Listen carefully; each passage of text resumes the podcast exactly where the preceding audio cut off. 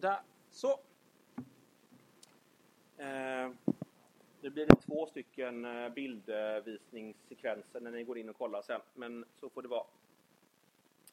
Eh, vi sa förra gången att människan är skapad för att växa. Hon har en oerhört stor potential. Gud vill att vi ska växa. Eh, så människan får mer kunskap, hon lär sig mer och mer saker. Eh, hon utvecklas på många olika sätt. Men problemet är ju, är ju det att den här inneboende viljan att växa som är nedlagd av Gud blir också någonting som vi använder för att ge oss ett värde. Så att när vi ska växa som människor och mogna och utvecklas så blir det ett sätt som ställer sig i vårt försök att ge oss det värde som redan vi oss skänkt från början.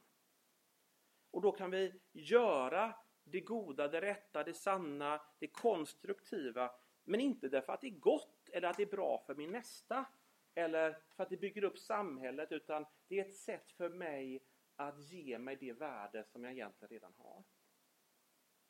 Så jag gör det goda av fel skäl. Ehm. Och när vi gör det så handlar det om två saker. Det ena är att vi vill dölja vår egen upplevelse av skam. Vi kommer att prata mer om skam i kursen sen. Eh, Och för att göra oss ett namn. Jag tycker det rimmar lite också. Dölja vår skam och göra oss ett namn. Eh. Det var så här långt som jag tänkte att vi skulle ha hunnit förra gången. Eh, Och nu har vi på något sätt tagit första delen. Vi har skapat Guds avbild. Nu har vi försökt ringa in vad är problemet? Eh, Och det som kommer nu är ju lite grann något om vägen framåt. Vad, vad, hur hjälper oss Gud med allt det här då? Eh, så vi får se hur mycket av det vi, eh, av det vi hinner med idag. Så här kommer del två.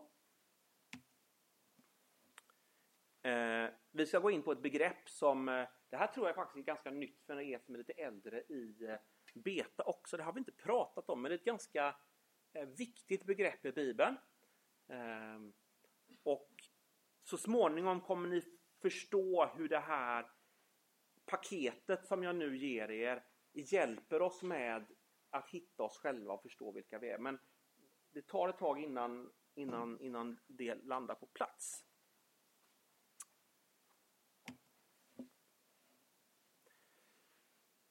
Det här är hämtat från Romarbrevet, femte kapitlet.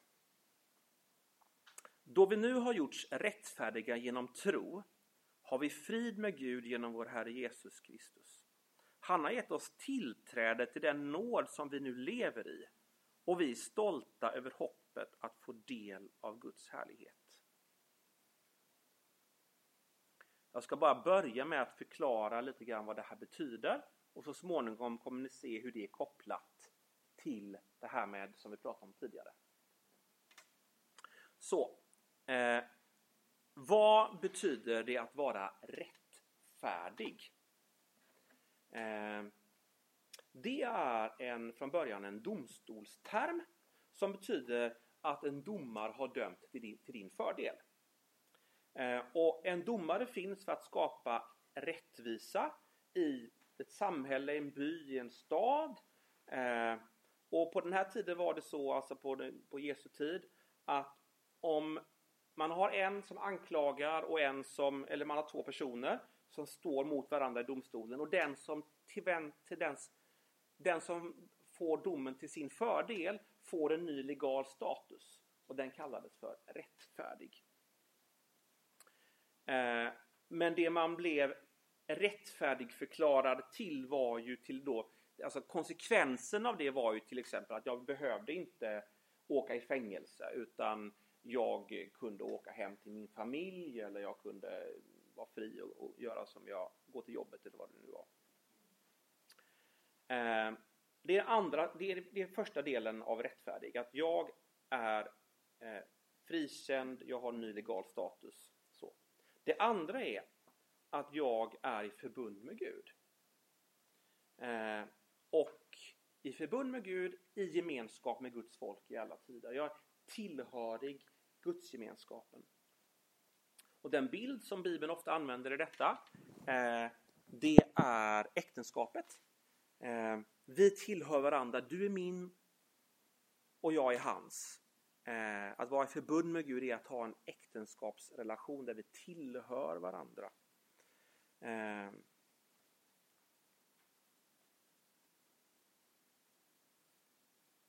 vi är alltså frikända, vi har fått en ny legal status eh, som frikänd, dömd till vår fördel. Till vad då? Jo, till den här gudsgemenskapen, förbundsrelationen med Gud.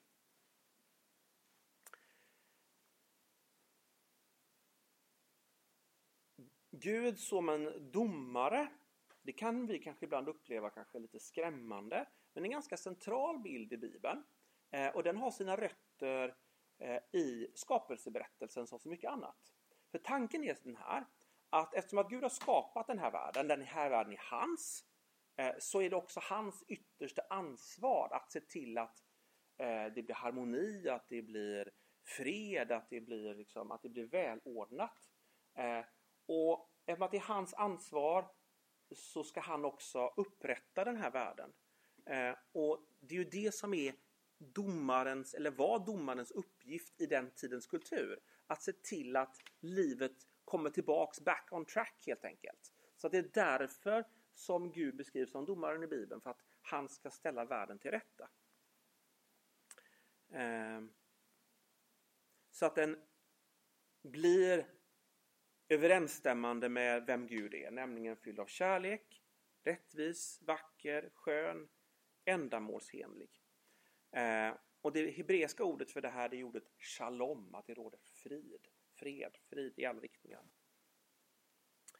Eh, och det är ju som så att innebörden eh, Ytterligare en innebörd som vi pratade om förra gången, om att människan är skapad i Guds avbild, är, att, är ju att vi är hans viceregenter i den värld som han har skapat. Alltså vi är alla på ett sätt vår egen VD. Verkställande direktör över vårt område, vilket det nu än är. Va? Eh, och just eftersom att vi har fått en sån, har en sån hög kallelse och ett sånt stort ansvar så innebär det också att vi kan missa målet för det som är oss givet. Har vi inget ansvar så kan vi inte heller inte ta det ansvaret. Är ni med på det? Eh, och då kommer ju frågan här. På vilket sätt har rättfärdiggörelse genom tro relevans för hur jag blir den som jag är tänkt att jag ska vara och hur jag finner min sanna identitet? För det var ju det lite grann som är det spåret som vi kör. Är ni med? Eh, vi är ju relationsvarelser. Eh, eftersom att vi är skapade till Guds avbild och kan bara vara oss själva ifall vi ser in i en annan persons ansikte som ser, älskar oss för dem vi är. Det tror jag ni har hängt med på. Det har vi dragit, kan ha dragit ganska många gånger nu. Men kommer ett längre citat här. Så länge jag inte får min identitet bekräftad i relationen med Gud kommer andra människor ha makten att förkasta mig eller att ge mig ett värde. Jag är i händerna, ja, jag är slav under andra människors tyckande. Jag kommer leva ett liv som är styrt av människofruktan.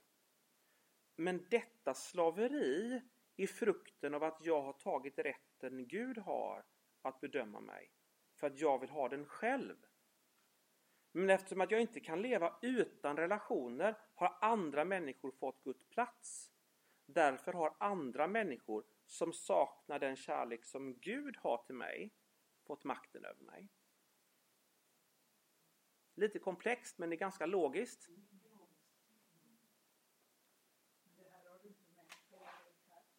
Eh, nej, det får, det får ni lyssna igen.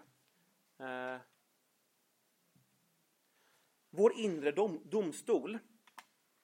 Eh, jag håller på tiden ut till kvart i. Får vi se var vi stannar någonstans. Det här är också eh, Romarbrevet igen. kommer vara mycket Romarbrevet.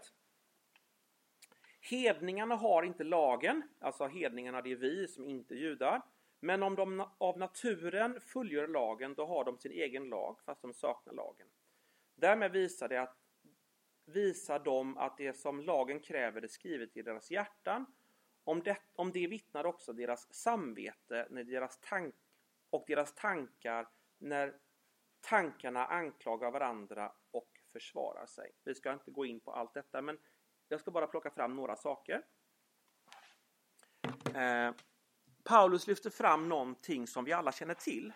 Och vi har ett samvete som berättar för oss, som viskar ibland eller skriker ibland när vi har gjort någonting som är fel och som manar oss i den ena eller andra riktningen. Det är ni bekanta med? Mm. Eh, och även om det är så att vi ibland kan säga att det finns en viss sanning, för det gör det ju att det som är rätt för dig behöver inte vara rätt för mig och vice versa. Det finns en viss sanning i det, men det gäller naturligtvis inte allt. Det finns vissa saker som rent objektivt är rätt eller fel. Eh, och detta visar sig i att det finns de facto någonting som är rätt och fel och som är objektivt i att vi inte kan sluta att anklaga både oss själva och andra. Hur sanningsrelativistisk jag än är så kan jag inte sluta med det. Eh, för många år sedan så pratade jag med en av mina vänner. Han hade ganska nyligen lämnat den kristna tron, han var ateist. Eh, och han hävdade då som den ateist han var eh, att allt som finns är energi och materia. Om allt är energi och materia så innebär det att vi djupast sett inte har någon fri vilja. Och då innebär det inte heller att det finns gott eller ont, så att han hävdade på fullt att det finns egentligen inte skillnad mellan gott och ont. Det är en konsekvent ateistisk eh, utgångspunkt. Sedan, han var väldigt bibelkunnig och så, prästson som han var.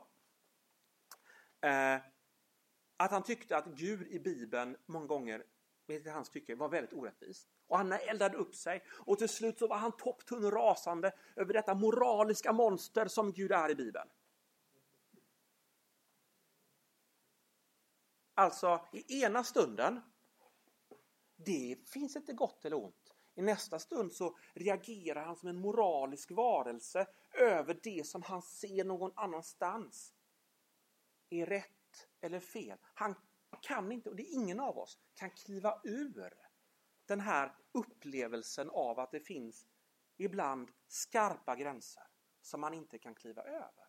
Att vi anklagar oss själva, att vi anklagar andra det är ett uttryck för eh, att vi har ett samvete att det finns någonting som är rätt och fel. Men också på grund av det här, det här blir det sista jag hinner med. Eh, det är att vi människor, det är som att vi lever i en rättssal. Alltså som att vi, parker, att vi bor där. Inom mig och mellan oss pågår ett ständigt bedömande av den moraliska kvaliteten i mitt eget och andras handlande. Hela den mediala dramaturgin kring Trump handlar om det här. Hans handlingar, hans ord, hans tweets.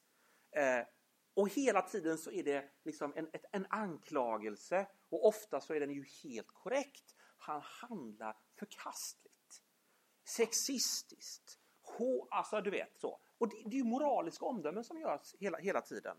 Och vi säger då de flesta, så där får man ju inte göra. Eh. Och samtidigt gör ju då Trump det som också vi gör. Vi försvarar oss. Precis som Adam och Eva i trädgården. Det är inte mitt fel. Vi lägger skulden hos någon annan. Eh, det var inte mitt fel att jag kom på mötet, kom sent på mötet. Jag snubblade över katten. Luften gjorde motstånd.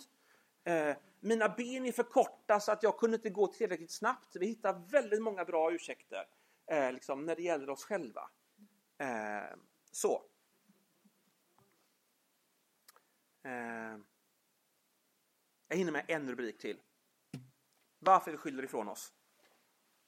Jo, varför gör vi så här? Jo, därför att vi upplever att vårt värde minskar om vi har gjort fel. Vi känner skam och vi är rädda för att hamna utanför. Och vi vill inte vara beroende av att andra ska behöva förlåta mig. Jag vill ha kontroll över min egen sociala status så att jag får vara med. Eh, och det vi också då gör det är att vi ritar om kartan för vad som är rätt och fel och, dra, och gränserna däremellan så att jag hela tiden hamnar på den rätta sidan och andra man, människor hamnar på fel sida. Så vi behöver numera definiera rätt och fel utifrån oss själva så att vi ska framstå som bättre än andra. Vi böjer sanningen så att jag själv ska framstå i bättre dagar och så att jag inte ska förlora i värde utan kunna få vara med i den sociala gemenskapen.